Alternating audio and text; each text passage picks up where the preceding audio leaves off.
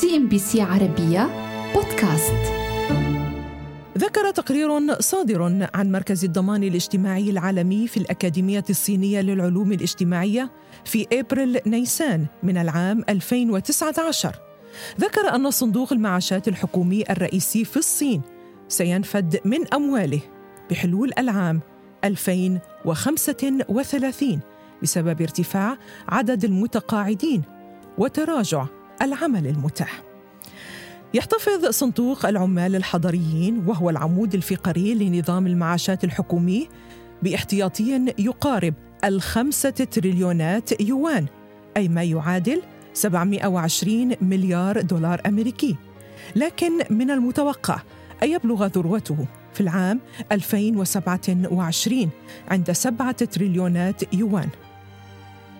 بيد أنه سينخفض بثبات إلى مستويات الصفر بحلول العام 2035 ووفقا لتقدير صادر عن مركز أبحاث السكان والتنمية الحكومي في الصين يمكن أن يصل عدد الصينيين إلى ذروته حوالي العام 2027 وهو العام الذي يمكن أن تتفوق فيه الهند على بلد التنين كأكبر دولة في العالم من حيث عدد السكان حيث يتوقع الانخفاض إلى حوالي مليار و320 مليون شخص بحلول 2050 وبحسب بيانات السنوات الخمس الماضية انخفض عدد النساء الصينيات في سن الإنجاب الأساسي ما بين 20 و 34 عاما بشكل مطرد وبمعدل سنوي يبلغ 3 ملايين و 400 ألف امرأة. وستتضاعف وتيرة التراجع تقريبا لتصل إلى ستة ملايين ومئتي ألف امرأة في السنوات الخمس المقبلة وفقا لمركز أبحاث السكان. وعليه فمن المتوقع أن ينخفض عدد السكان في سن العمل في الصين بسرعة من الذروة التي بلغها في العام 2011 مما يزيد الضغط على نظام الصحة والرعاية الاجتماعية. سيكون الانخفاض في عدد السكان هو الأول منذ معدلات التراجع التي استمرت لعامين في ستينيات القرن الماضي بسبب تأثير المجاعة الكبرى. في ذلك الزمن انخفض عدد السكان بنحو عشرة ملايين في عام 1960 وأكثر من ثلاثة ملايين في 1961 قبل أن ينتعش بأكثر من 14 مليون في العام الذي تلاه وفقا للأرقام الرسمية إذا تلك المخاطر التي تواجهها الصين تم ذكرها في كتاب بعنوان هل هناك عدد أكثر من اللازم من الصينيين؟ صدر ذلك الكتاب في العام 2012 وهو من تأليف جيمس ليانغ وجيانزين لي وهما أستاذان في جامعة بكين. حيث انتقدا انخفاض معدل المواليد وحذر بالمقابل أنه إذا ما استمر هذا التوجه فإن البلاد ستقع في فخ الشيخوخة بسرعة كما سيعاني الاقتصاد والمجتمع من عدم الاستقرار. وحث على تعديل سياسة التخطيط العائلي أيضا. ورغم أن قانون السماح بإنجاب طفلين ظهر في العام 2015 إلا أن التراخي حول سياسة الطفل الواحد كان جليا في عام 2013 وعليه فقد دعا الخبراء المحليون وحتى البنك المركزي أو بنك الشعب الصيني. دعوا إلى إلغاء الضوابط السكانية بالكامل وسط تحذيرات من المشكلات الوشيكة التي سيسببها التقلص السريع في عدد السكان. مثل العبء الملقى على كاهل الشباب الذين يتعين عليهم دعم الآباء والأجداد المسنين.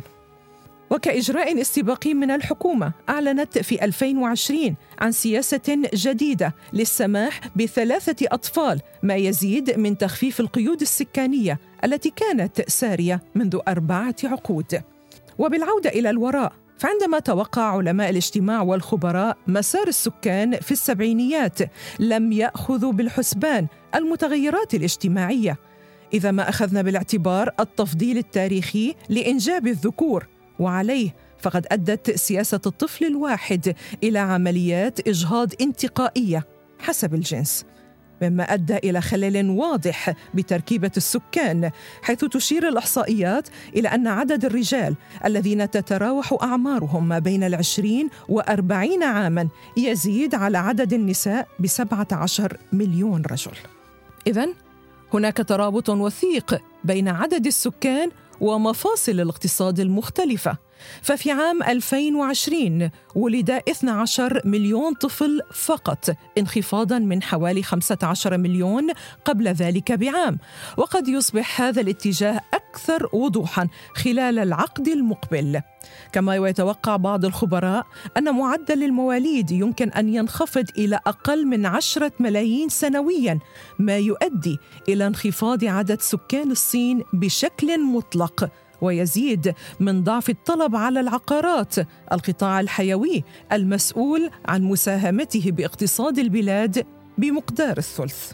بهذا الصدد يقول هوزي سونغ وهو محلل الاقتصاد في مؤسسة ماكروبولو الفكرية ومقرها شيكاغو يقول بأن الوضع القائم يتفاقم بسبب ظاهرة المدن المتقلصة ذلك أنه بعد نحو ثلاثة عقود غادر خلالها مئات الملايين من الناس لقراهم ليستقروا في المدن لكن حاليا تتضاءل معدلات الهجرة الأكبر في تاريخ البشرية إلى حد كبير.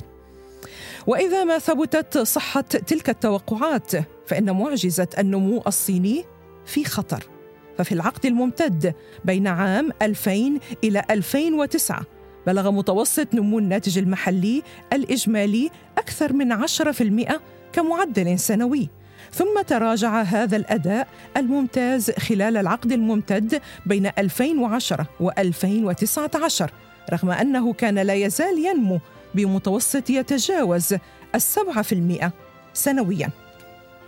وعليه فإن أي انخفاض في النمو سيكون محسوسا بسرعة فائقة في جميع أنحاء العالم. إذ لطالما كانت الصين المحرك الأكبر للازدهار العالمي حيث أسهمت ب 28% من نمو الناتج المحلي الإجمالي في جميع أنحاء العالم بين 2013 و 2018 وهو أكثر من ضعف نصيب الولايات المتحدة وفقا لدراسة أجراها صندوق النقد الدولي. ولشرح مدى أهمية قطاع المساكن في الصين يكفي القول أنه يساهم بنسبة تقارب التسعة وعشرين في المئة من الناتج المحلي الإجمالي للبلاد وبسبب الإفراط في البناء وتراجع عدد السكان فإن القطاع بات مهددا بالتخلي عن دوره طويل الأمد كمحرك رئيسي للنمو. وبدلا من ذلك سيصبح عبئا عليه. يقول لوغان رايت وهو مدير شركة Rhodium Group للاستشارات إن هناك ما يكفي من العقارات الخالية في الصين ولتقريب الصورة أكثر هناك دول من مجموعة السبع يمكن لكل منها على حدة وضع سكانها بالكامل في تلك الشقق الصينية الفارغة. CNBC عربية بودكاست.